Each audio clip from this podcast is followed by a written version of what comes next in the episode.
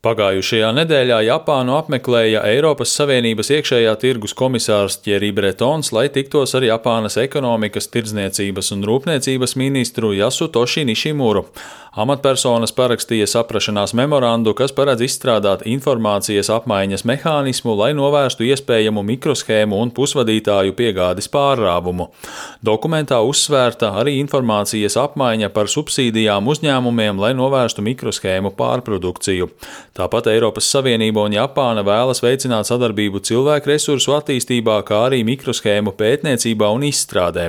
Bretons arī solīja Eiropas Savienības atbalstu Japānas mikroshēmu un pusvadītāju izstrādātājiem, kuri apsver iespēju uzsākt darbību bloka dalību valstīs.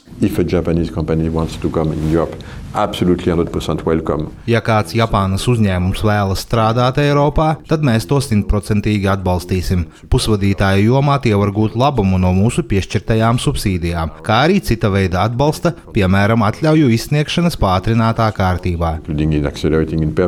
Bretons un Nišimura tikās dienu pēc tam, kad Ķīna paziņoja par nodomu ierobežot Gallija un Germānija eksportu. Šos redzamju metālus izmanto mikroshēmu, saules paneļu, 5G tehnoloģiju, ierīču un elektroautomobiļu ražošanā, tāpēc tie ir uzskatāmi par kritiski svarīgām izēvielām. Pekinas lēmums bija kārtējais atgādinājums Eiropas Savienībai par nepieciešamību samazināt atkarību no trešajās valstīs ražotām strateģiskām precēm un izējumateriāliem. Taču arī Japānā Bretons atkārtoja Eiropas Savienības mantru, ka vēlme samazināt ekonomisko atkarību no Ķīnas nenozīmē pilnīgu atteikšanos no sadarbības ar šo lielvalsti. Um, Eiropas Savienības Ķīnas stratēģija neparedz norobežoties no šīs valsts. Mēs to esam ļoti skaidri pateikuši. Mēs tikai vēlamies samazināt riskus, lai nebūtu pārāk atkarīgi no viena piegādātāja.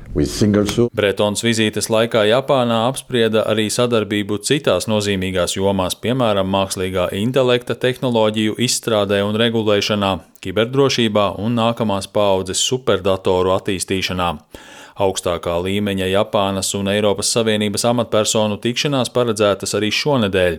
Ceturtdien Briselē ieradīsies Japānas premjerministrs Fumio Kishida, lai tiktos ar Eiropas komisijas prezidenti Urzulu Fonderleinu un Eiropas Savienības padomes prezidentu Šarlu Mišelu. Paredzēts, ka tikšanās laikā līderi apspriedīs ciešāku Japānas un Eiropas Savienības sadarbību, lai sekmētu kuģošanas drošību Indijas un Klusā okeāna reģionā un palīdzētu stiprināt Dienvidu-Austrumāzijas reģiona valstu aizsardzības spējas jūrā.